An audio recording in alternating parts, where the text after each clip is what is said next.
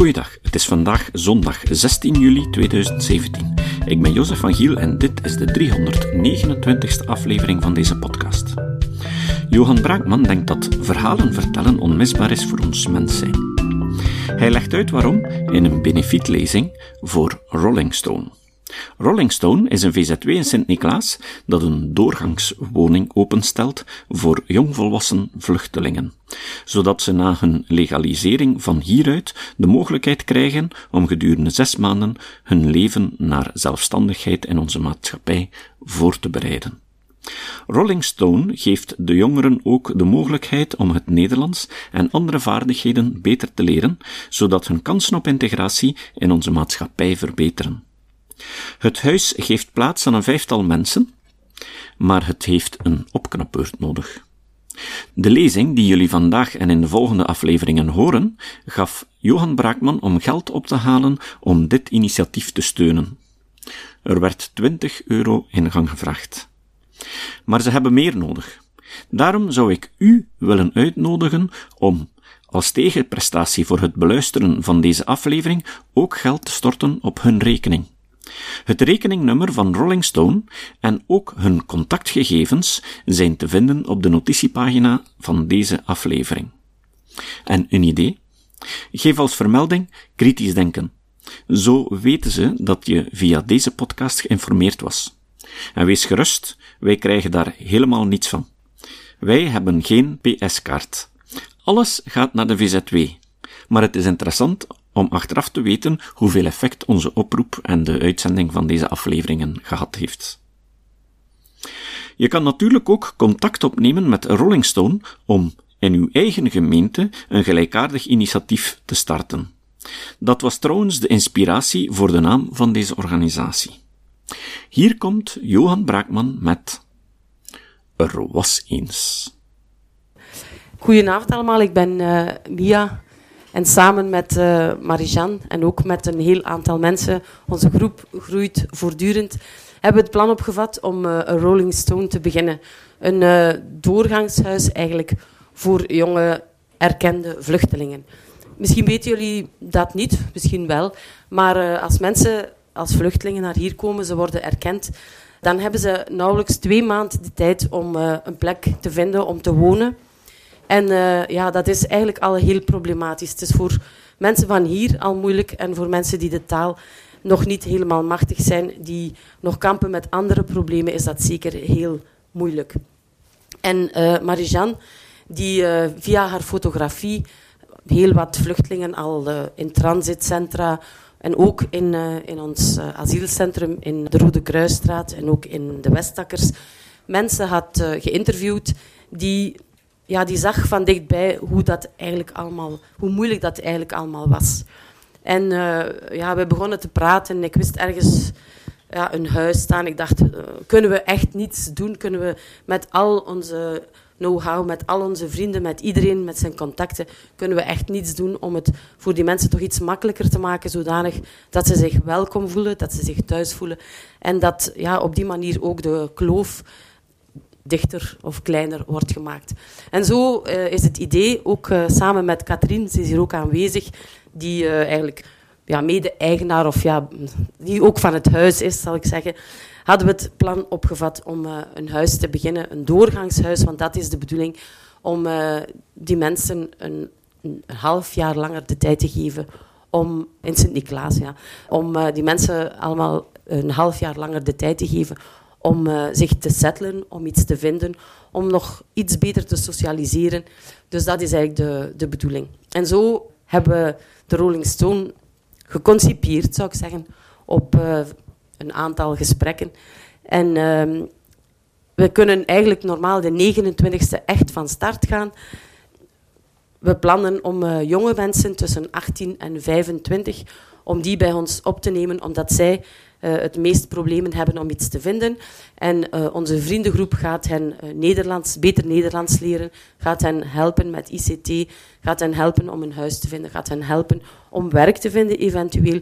En we nemen ze mee naar het zwembad, als dat lukt. We nemen ze mee naar een concert, naar een uh, voordracht enzovoort. Ik wil heel speciaal uh, Johan bedanken dat jij deze avond zo voor ons wil opofferen misschien. Hè. Maar ik ben ervan overtuigd dat uh, iedereen die hier zit heel blij zal zijn om en de voordracht te horen. En wij zijn echt blij dat jullie ook op deze manier ons willen steunen. Dank u wel en jullie ook allemaal om hier te zijn. Marie-Jeanne, ze kan het niet laten. Ja, ze kent mij goed. Hè? Ik wou toch nog eventjes zeggen, Peter en ik, wij komen hier uh, zeer regelmatig.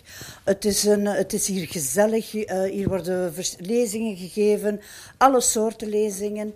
Als je daar iets over wil weten, kan je je inschrijven. Ik denk dat daar misschien formuliertjes liggen, Johan. Ik wil het toch even meegeven, want het is, uh, het is een heel aangenaam kader. Oké, okay, dat is alles. Bedankt, Johan. Alsjeblieft. Die micro is ingewikkelder dan de lezing. Oké, oké. Goedenavond allemaal. Dank u wel om hier zo talrijk uh, aanwezig te zijn. Het is uh, voor het goede doel, hè, dus dat is hier goed. Toen dat ter sprake kwam met Marie-Jeanne, moest ik daar niet lang over praten. Mijn arm doet nog altijd pijn, maar bon. Uh, nee, nee. Dus we hadden gewoon vrij snel toch het plan opgevat om, om toch iets te organiseren om uh, de VZW te steunen. En het idee was dus een lezing over een, uh, een essay dat uh, heet Er was eens, dat recent verschenen is. Ik had ook wel over iets anders kunnen praten, maar dit zit nu frisser in mijn kop. Hè. Dus, en ik heb daar nog niet zoveel over gepraat, dus ik moet dat toch zo'n beetje inoefenen ook, zal ik maar zeggen. Ik kan mijn best doen om de klok in de gaten te houden, zo een goed uurtje. Hè maximum anderhalf uur. Ik weet dat ik niet zo goed ben in dit soort beloftes, maar ik kan nu toch echt wel mijn best doen.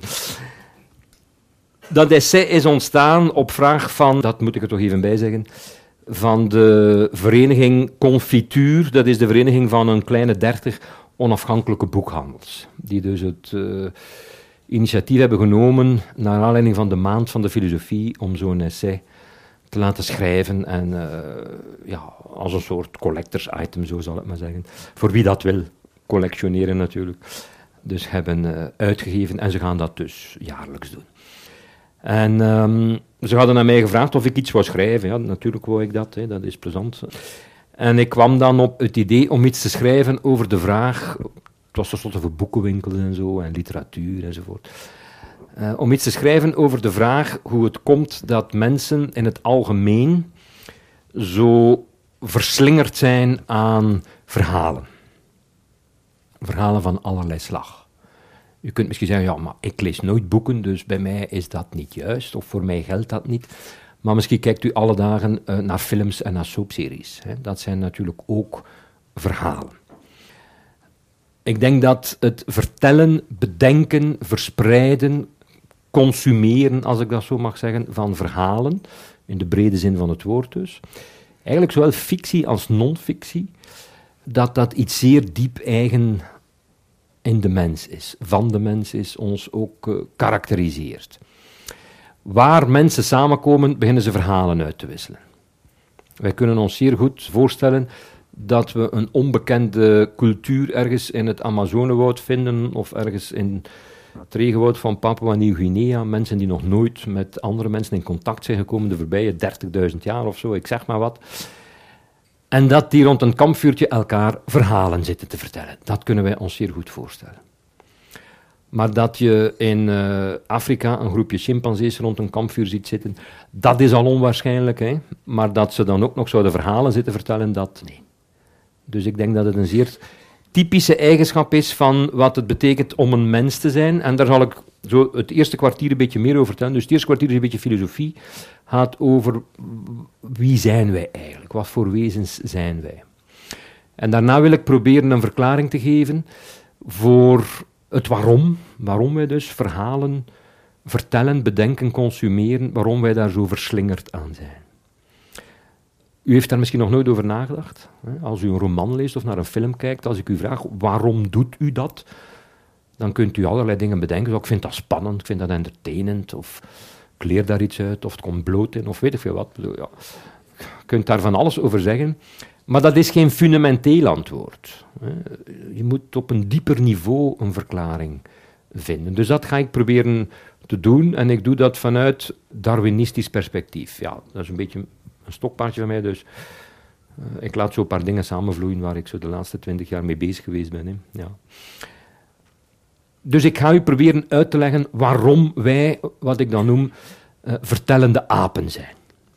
U weet, de mens is al met apen vergeleken op alle mogelijke manieren. Hè. Desmond Morris schreef een bestseller, De Naakte Aap. Die kent u, maar we zijn met apen vergeleken al honderden jaren. Ik doe het nu ook. Hè. Ik denk dat mijn vergelijking de juiste is. Wij zijn de vertellende aap. Ja, dus uh, dat is eigenlijk wat ik u ga proberen uh, te vertellen. Het is dus eigenlijk die tekst die ik geschreven heb, het is eigenlijk een tekst die behoort tot een tak van de filosofie die heet wijsgerige antropologie. Dat klinkt zo een beetje ingewikkeld en geleerd, maar dat is dus eigenlijk de tak van de filosofie die zich bezighoudt met de vraag wat voor wezens zijn wij en wat betekent dat dan? Daar wordt natuurlijk al zeer lang over nagedacht. Hè. Bij Sophocles, dat is al tamelijk oud bij de oude Grieken, kunt u lezen in Antigone, het koor zegt dat. Veel dingen zijn ontzagwekkend, maar niets is ontzagwekkender dan de mens. Bon. Daar is heel veel over gereflecteerd wat dat dan precies betekent. Het is natuurlijk juist, we zijn ontzagwekkend, maar is dat dan positief, is dat dan negatief? Ja, dat is maar één voorbeeldje, hè. daar zijn we al 2000 jaar over aan het nadenken. David Hume in de 18e eeuw gaf al aan, kijk, er is eigenlijk maar één vraag die echt belangrijk is, en dat is die die de vraag stelt naar de mens. Wat is dat eigenlijk voor een wezen? Want al de rest vloeit daaruit voort. Als je daar even over nadenkt, klopt dat wel, denk ik. Alle vragen over kennis, over zingeving, over moraal of ethiek enzovoort, hangen eigenlijk allemaal samen met de vraag wat voor wezens zijn wij. Moesten wij andere organismen zijn, dan zou je daar andere antwoorden moeten op geven. Op al die afgeleide vragen. Dus begrijpen wie wij zijn is erg belangrijk. En nu kunt u misschien zo intuïtief denken, ja, maar wij begrijpen toch wie we zijn, dat is toch niet moeilijk. Ik weet dat nog zo goed niet.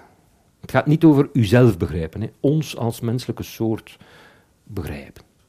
Ik heb een aantal metaforen om die vraag te verduidelijken, daar kom ik straks toe. Shakespeare in Hamlet, kent u hem? Die laat Hamlet zeggen: Wat een meesterwerk is de mens, hoe edel door de rede de reden is, ja, daar lopen we hoog mee op, hoe onbegrensd in zijn vermogens, in gestalte en beweging, hoe doelmatig en wonderbaar, in houding, hoe gelijk aan een engel, in begrip, hoe gelijk aan een god, het sieraad van de wereld, het toonbeeld van al wat leeft. Dat is dus toch, de mens is toch wel bijzonder uh, speciaal. Maar dan voegt er aan toe, en dat is natuurlijk zeer typisch Shakespeare, en toch, wat is voor mij die quintessens van stof? de quintessence of dust. En dat is natuurlijk fenomenaal, dat kan alleen Shakespeare, denk ik, omdat de quintessence, dat is de vijfde essentie. Bij de oude Grieken had je lucht, water, aarde en vuur. En de vijfde essentie, dat was de stof, de stuf, waaruit de sterren zijn gemaakt. En dus eerst hemelt hij ons op, hè, hoe edel door de reden enzovoort. Maar dan zijn we maar stof. Maar we zijn speciaal stof, quintessence of dust. Hè het vijfde metaal, dat van de sterren, daaruit bestaan wij dan weer. Dus we zijn zeer dubbel. Hè. Het is allebei. Nou, daar zit iets in. Er zit ook iets speciaals in, maar dat kon Shakespeare niet weten, dat wij effectief uit sterrenstof bestaan. De moleculen waaruit u bent opgebouwd, zijn ooit ontstaan in het binnenste van sterren. In onze tijd natuurlijk hebben we wetenschappelijke benaderingen. Hè. Dus Sophocles, Hume uh, enzovoort. Dat is natuurlijk dat is filosofie, dat is poëzie, dat is literatuur. Dat is, dat is ook een beetje speculatie. Hè.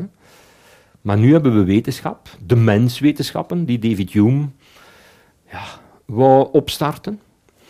En uh, we hebben natuurwetenschappen die ons helpen om onszelf te begrijpen. Denk aan de evolutietheorie natuurlijk. Hier bijvoorbeeld ziet u een uh, modern beeld, dat stond in het tijdschrift Science enkele jaren geleden, van de evolutie. Ik weet niet of u dat achteraan goed kunt zien, maar het idee is dus de buitenrand van de cirkel, dat is het heden. En helemaal in het centrum van de cirkel, dat is het ontstaan van het leven. En dus het leven evolueert over miljarden jaren, gaat meer en meer naar buiten toe. En diversifieert ook. Tot je dus nu de indeling hebt van de planten, ziet u daar, de protista, de bacteria, de fungi, de, de schimmels en de zwammen en de animals, de dieren. Dat is het heden. Dat is maar een, ieder streepje is een soort, maar dat is maar een klein deeltje van, van alles wat bestaat. Hè, want er zijn er vele tientallen miljoenen. En u ziet dus gaandeweg vertakt zich dat. In het begin hangt het allemaal nog samen, maar gaandeweg vertakt zich dat allemaal. Dat is de moderne versie van het leven. En u kunt het niet zien, maar hier dus, bij de animals, hier staat iets geschreven, ik heb die pijl hier gezet, en hier staat, ik kan het nog net lezen, hier staat, you are here. Hier, hier zo, hier bent u. Dus zo speciaal lijkt dat ook weer niet. We zijn toch maar een dier onder de andere dieren. Aan de andere kant, je kunt er niet omheen. Quintessence of dust. We zijn ook wel een dier met een paar speciale eigenschappen. Ja, ja dus uh, ik had u gezegd, ik heb uh, nog metaforen om de vraag te preciseren wat het eigenlijk betekent om een mens te zijn, hoe, hoe je die vraag moet tot u laten doordringen. En een metafoor die ik graag gebruik is de volgende. Stel u nu voor dat de aliens hier landen en uh, die doen een soort onderzoek. Stel u voor, ze hebben ook wetenschap, ze zijn ook nieuwsgierig en zo. En ze gaan van planeet naar planeet. Er zijn nu miljarden planeten, zoals we weten, dus er zal hier en daar wel wat leven zijn. Stel u voor, er zijn buitenaardse intelligente wezens op Xottelpetottel. En die gaan dus op exploratie, die landen hier, die stellen natuurlijk vast, er is hier leven op aarde. En uh, u moet uw soort uitleggen. Wat zou je dan zeggen? Dat is nog niet zo eenvoudig. Zou je dan zeggen, oh de mens heeft reden, de mens kookt zijn voedsel, de mens heeft het vuur, de mens drinkt ook als hij geen dorst heeft. Ja, er zijn allerlei definities of omschrijvingen naar voren gebracht.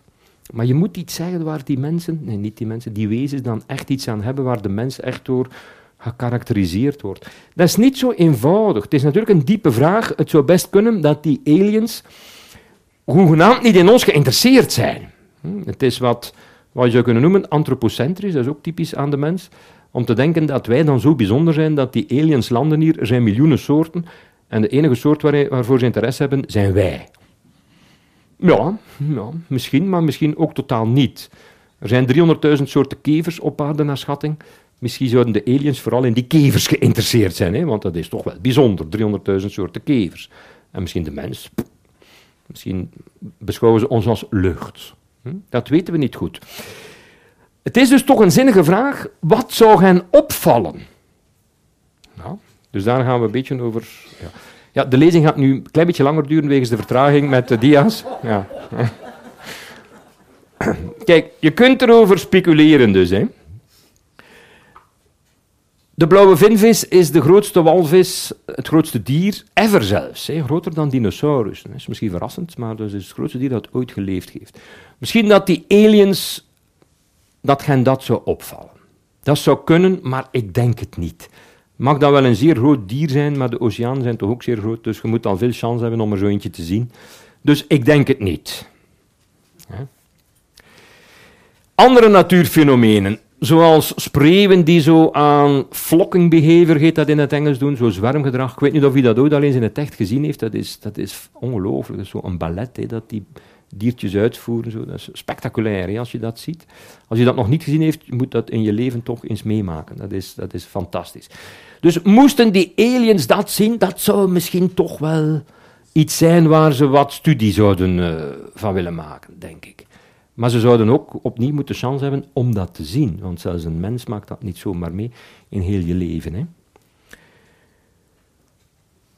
Misschien zouden onze steden gaan opvallen. Steden zijn bijzonder. Hè? Als je dus met je ruimtetuig over de aarde vliegt, ja, steden, die vallen toch op. Maar misschien ook niet, hè? het is moeilijk te zeggen. Misschien is het regenwoud veel interessanter. Religieus gedrag zou hen misschien opvallen, dat is dan natuurlijk al aan de mens gekoppeld. Omdat, omwille van religie, doen mensen hele rare dingen, hè, dat weet u. Maar ze komen dus ook met heel veel mensen samen op bepaalde plekken, zonder dat ze eigenlijk zelf goed weten waarom. Dat is een zeer opvallend iets. Dus dit zou kunnen opvallen. Ik geef hier maar een paar voorbeelden. Ja, nog eentje. Ja, dit bijvoorbeeld sluit al een beetje aan bij mijn metafoor toch van de aliens. Dat is een foto genomen vanuit de ruimte, vanuit 680, vanaf 680 kilometer afstand van de aarde. En die donkere vlek die u daar beneden ziet, dat zijn ongeveer 30 tot 70 miljoen mensen die daar zijn samengekomen om dus een, een hindoeïstische een hindoeïstisch feest te vieren. Dus dat is een twaalfjarige pelgrimstocht, zoiets als de Hajj van de moslims naar Mekka. Maar zij komen dus samen met ja, vele tientallen miljoenen. Als u aan die mensen vraagt waarom ze dat doen, weten ze het niet. Dit is gewoon wat ze doen. Dat hoort zo, dat moet zo, bon, voilà. We doen het al altijd zo. Ja. Dus als de aliens zouden kunnen converseren met ons, wat natuurlijk ook helemaal niet zeker is, dan zou het dan ook opvallen dat wij dingen doen die we zelf niet goed begrijpen. Dat geldt voor zeer veel dingen. Ook veel dingen die u doet, individueel. Als u bijvoorbeeld naar een trouwfeest gaat en u danst daar, en de aliens vragen u, je maakt hier zulke rare bewegingen, waarvoor is dat? Dan weet u dat niet. Als u daar een beetje over nadenkt, kunt je dat niet uitleggen. En dat is voor veel dingen zo. Met het consumeren van verhalen is dat eigenlijk ook zo. Hè. Dus daar moet ik dan straks natuurlijk nog iets over vertellen. Maar het zou dus kunnen dat gen zoiets wel opvalt. Hè. Dat is het punt dat ik hier wil maken. Maar natuurlijk, dan moet je al net op dat moment weer enzovoort enzoverder. Wetenschap zou hen misschien opvallen. Het is opnieuw ingezoomd op ons. Hè. Daar kan ik nu moeilijk van uit. Het zou kunnen, die kevers. Het zou kunnen. Maar aan de andere kant, wij doen toch hele rare dingen. Ik denk dat dat wel op een of andere manier de aandacht zou trekken. Je kunt zeggen, als, als we nu 10.000 soorten kevers bestudeerd hebben, misschien geraken ze dan toch wel beu. Terwijl wij doen zulke rare dingen en met zo'n enorme diversiteit. Ik denk, dat is een rare stelling tegelijkertijd, maar ik denk dat wij een fascinerende soort zijn. We zijn het voor onszelf toch, maar misschien ook voor de aliens. Maar zeker weet ik dat niet. Hè. Misschien zijn we totaal oninteressant, maar laten we ons nu vanuit gaan, wij vallen op. Ik denk dat dat wel zou kunnen kloppen. Dan denk ik dat die aliens toch ook wel zouden vaststellen, tja, ze hebben wetenschap. Zij zouden dat ook hebben, anders zouden ze hier niet geraken. Ze moeten wiskunde kennen, ze moeten fysica kennen, ze moeten technologie, ruimtetuig. Ja, je, moet, je moet het heelal doorgronden tot op zekere hoogte en de natuurkrachten, anders kun je niet gaan rondreizen enzovoort. Dus ik denk dat hen dat zou interesseren van wat kennen zij? Ze zouden waarschijnlijk vragen, onder meer, weten ze al dat evolutie hen doen ontstaan heeft? Als ze dat nog niet weten, dan weten ze, ja, dan zitten ze nog niet zo ver. dat is een soort lakmoesproef voor hoe ver is die soort al geëvolueerd, hè? cultureel, intellectueel enzovoort. Hè? Ze zouden bijvoorbeeld vaststellen, ze kennen de relativiteitstheorie al. Dat is toch niet slecht, hè? dat zou wel knap zijn. Maar ze zouden ongetwijfeld ook vaststellen dat wij tegelijkertijd ook een soort zijn die, ja, die toch nog altijd heel dwaze dingen blijft doen. Ik geef hier nu simpele voorbeelden, maar ze zouden ook vaststellen, ja, ze gebruiken nog fossiele brandstof bijvoorbeeld. Ze hebben nog genocides, uh, noem maar op. We zijn op sommige niveaus bijzonder rationeel. We hebben de algemene relativiteitstheorie. Maar op andere vlakken zijn wij natuurlijk een soort die uitblinkt in stomzinnigheid ook. Dus wat Shakespeare zei, hoe nobel in reden enzovoort, en toch wat is dat voor een vreemd soort stof, dat klopt ook. We zijn zeer dubbel.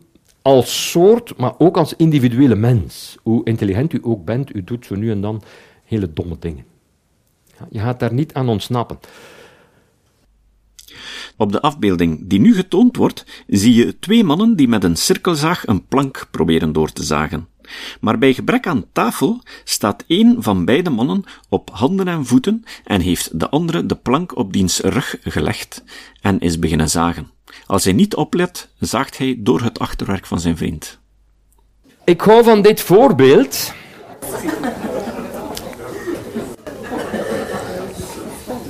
Omdat het bij uitstek iets leert over wie wij zijn. En ik denk dat de aliens dat ook zouden opmerken.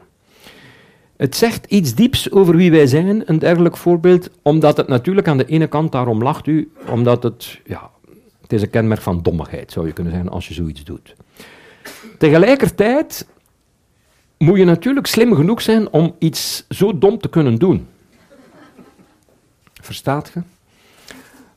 Alleen een zeer creatieve, dus intelligente soort kan dit. Als je twee chimpansees in een ruimte samenbrengt en ze moeten een oplossing bedenken voor een ingewikkeld probleem, dan gaan ze nooit zoiets bedenken. Ze zijn niet slim genoeg om dit soort creatieve blunders te maken. Snap je? Dat zijn wij ten voeten uit. We maken ongelooflijk knappe auto's hè, om uren in de file te gaan staan. Ja, we stoppen ongelooflijk veel verstand in hoogtechnologische, rationele dingen, maar die toch op een ander niveau eigenlijk stompzinnig zijn. Daar ga je niet aan ontsnappen. We hebben, zoals ik al zei, nog altijd genocides natuurlijk. Hè. Dat, dat stopt gewoon niet. Dus op elk gegeven moment zijn dit soort zaken aan de gang. Dus als die aliens al op ons inzoomen, dan zou dit soort zaken hen denk ik ook opvallen. Oké. Ze zouden zich dan denk ik verder afvragen, hoe is die soort, die vreemde soort, zo creatief, zo intelligent en tegelijkertijd zo stompzinnig tegelijkertijd, hoe is die geëvolueerd? Hè? Want ze zouden natuurlijk evolutie kennen. Zij zouden zelf ook geëvolueerd zijn. Als er leven is, is het het product van evolutie. Ja. Hoe is die soort geëvolueerd? Dan zouden ze natuurlijk snel vaststellen dat we ergens in de tak passen van de boom van de primaten en dat we dus verwant zijn aan, aan de chimpansees, de gorilla's enzovoort. Wij weten zelf ook redelijk goed hoe dat zit. Uh, u weet dat wij mensen meer verwant zijn aan de chimpansees, twee subsoorten, maar bon, dan dat die chimpansees verwant zijn aan de gorilla. Dus wij zijn dichtere familie van elkaar, wij en de chimpansees, dan de chimpansees en de gorilla's. En nu kunt u zeggen, spreek voor uzelf, maar het is voor iedereen. Het is gewoon zo. Dat is verrassend. Mensen, mensen kunnen dat niet goed accepteren vaak. Maar het is gewoon zo. Ik denk dat de aliens dat ook zouden zien. Als ze daarop focussen, dan is het eigenlijk bijna voorspelbaar dat het toch zou opvallen dat ons soort verstand toch een heel ander soort verstand is dan dat van de chimpansees. Dit is dus zeer misleidend. Hè? Een chimpansee gaat niet leren schaken. Dat kan hij niet. Dat zijn zaken die alleen wij kunnen. Ik zeg dat niet omdat ik onszelf zo bijzonder vind. Ik heb net over genocides en andere zaken gesproken. Maar dit is wel eigen aan ons. Dat moeten we durven inzien. Of kunnen inzien. Maar nog een stapje verder, denk ik, zouden ze zich gaan afvragen, nog altijd die aliens. Hè. Wat is er nu echt differentiërend tussen die mens en zijn nauwste verwanten? Want die intelligentie, we hebben een bijzonder soort intelligentie, maar chimpansees zijn ook niet stom. Hè? En dolfijnen ook niet. En, uh, zelfs eksters en kouden enzovoort. Er zijn nogal wat intelligente dolfijnen. Er zijn intelligente soorten, andere. Ons soort intelligentie is wel een beetje anders, maar toch. Volgende week vertelt Johan Braakman ons waarom hij denkt dat die buitenaardse wezens de mens toch een meer bijzondere diersoort zullen vinden in vergelijking met andere soorten. Het citaat. Het citaat van vandaag komt van Voltaire. Voltaire zei: Psalmzingen wordt toegepast om grote menigten gelijktijdig te indoctrineren. Tot de volgende keer. Deze podcast is het resultaat van het werk van veel mensen. Rick de Laat verbetert bijna al mijn teksten en maakt de meeste vertalingen. Emiel Dingemans verzorgt onze website en Facebookpagina. Ook Leon Korteweg en Stefan Sutens schrijven, vertalen of verbeteren soms artikelen.